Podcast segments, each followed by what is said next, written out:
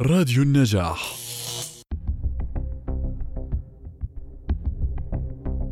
الفصل الثالث البحث والمصادر.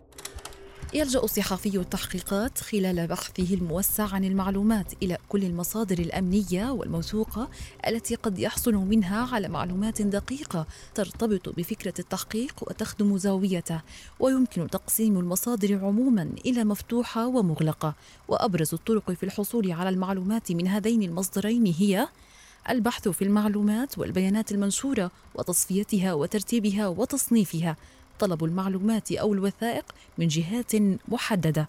إجراء المقابلات بناء قاعدة بيانات خاصة بالصحفي من خلال المقابلات أو الاستبيانات. الوثائق المسربة. ما هي المصادر المفتوحة العلنية؟ هي المصادر التي يسهل الوصول إليها للحصول على المعلومات والبيانات التي يحتاجها التحقيق. وغالبا ما تكون هذه المعلومات متوفرة عبر شبكة الإنترنت ويمكن الوصول إليها عبر البحث عن كلمات أساسية في موضوع التحقيق ومن الأمثلة على هذه المصادر.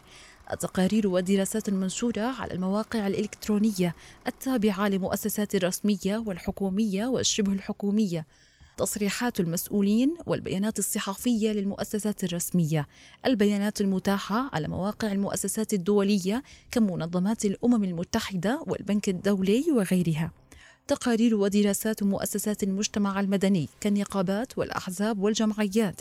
تقارير وإفصاحات شركات المساهمة العامة على موقع البورصة الإلكتروني المواقع الإلكترونية والتقارير الدورية لبعض الشركات الخاصة دائرة مراقبة الشركات أرشيف الصحف والمواقع الإخبارية.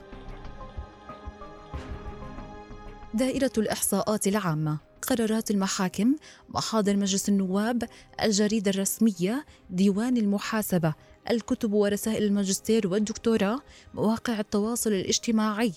يمكن للصحافي من خلال هذه المصادر استكشاف أفكار جديدة تستحق التقصي كما يمكنه أحيانا الاعتماد عليها في بناء قواعد بيانات خاصة به تفيد في تنفيذ الفكرة. في تحقيق حول القتلى في المداهمات الأمنية في الأردن. لم تتوفر أرقام وتصنيفات لعدد وأماكن المداهمات التي تقوم بها الأجهزة الأمنية.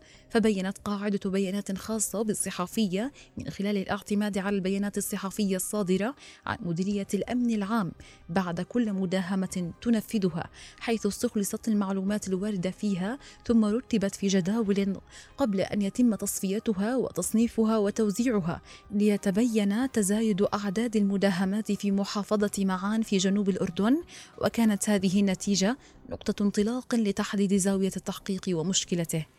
نشر موقع عمان نت تقريرا حول سفر الملك عبد الله إلى خارج البلاد خلال عام 2016 استند التقرير على جمع أعداد الجريدة الرسمية والأخبار المنشورة على الموقع الإلكتروني للملك ورتب المعلومات المستخلصة منها ثم حلل مضمونها ليخرج بنتائج كمية ووصفية شكلت العمود الفقري للتقرير. اعتمدت الصحفية هبة أبو طه على 90 قرارا قضائيا في بناء قاعدة بيانات خاصة بها احتوت على المعلومات والبيانات اللازمة لإنتاج تقرير يتناول الإخلال بضمانات المحاكمة العادلة والتعذيب في بعض السجون.